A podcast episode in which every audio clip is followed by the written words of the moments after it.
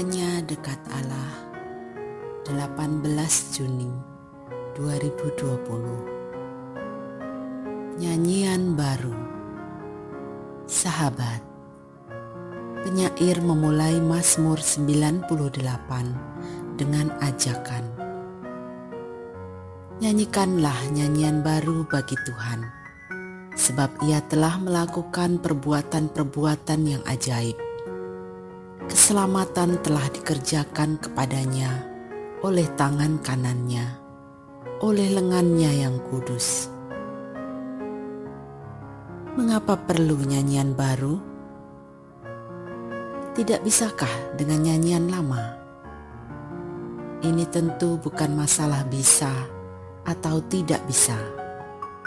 Akan tetapi, tampaknya inilah yang dimaksud penyair Pengalaman baru sewajarnya membuat orang membuat syair baru berdasarkan renungan atas peristiwa baru itu.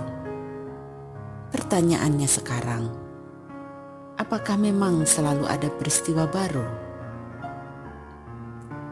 Sahabat, ada ungkapan dalam bahasa Tionghoa. Kita tidak mungkin melewati sungai yang sama untuk kedua kalinya Kenyataannya memang demikian. Sebab aliran sungai itu tak pernah statis. Selalu berubah. Itu berarti ada yang selalu baru. Kalau kita perhatikan perbuatan-perbuatan Allah dalam hidup kita, Allah sering kali memberi pertolongan dengan cara yang berbeda. Tema besarnya tentu sama, Allah yang menyelamatkan. Namun, Allah tak pernah kehabisan kreasi dalam menolong kita. Dan karena itu, baik pula kita menyambut ajakan penyair, terlebih saat pandemi ini, untuk menyanyikan nyanyian baru bagi Allah.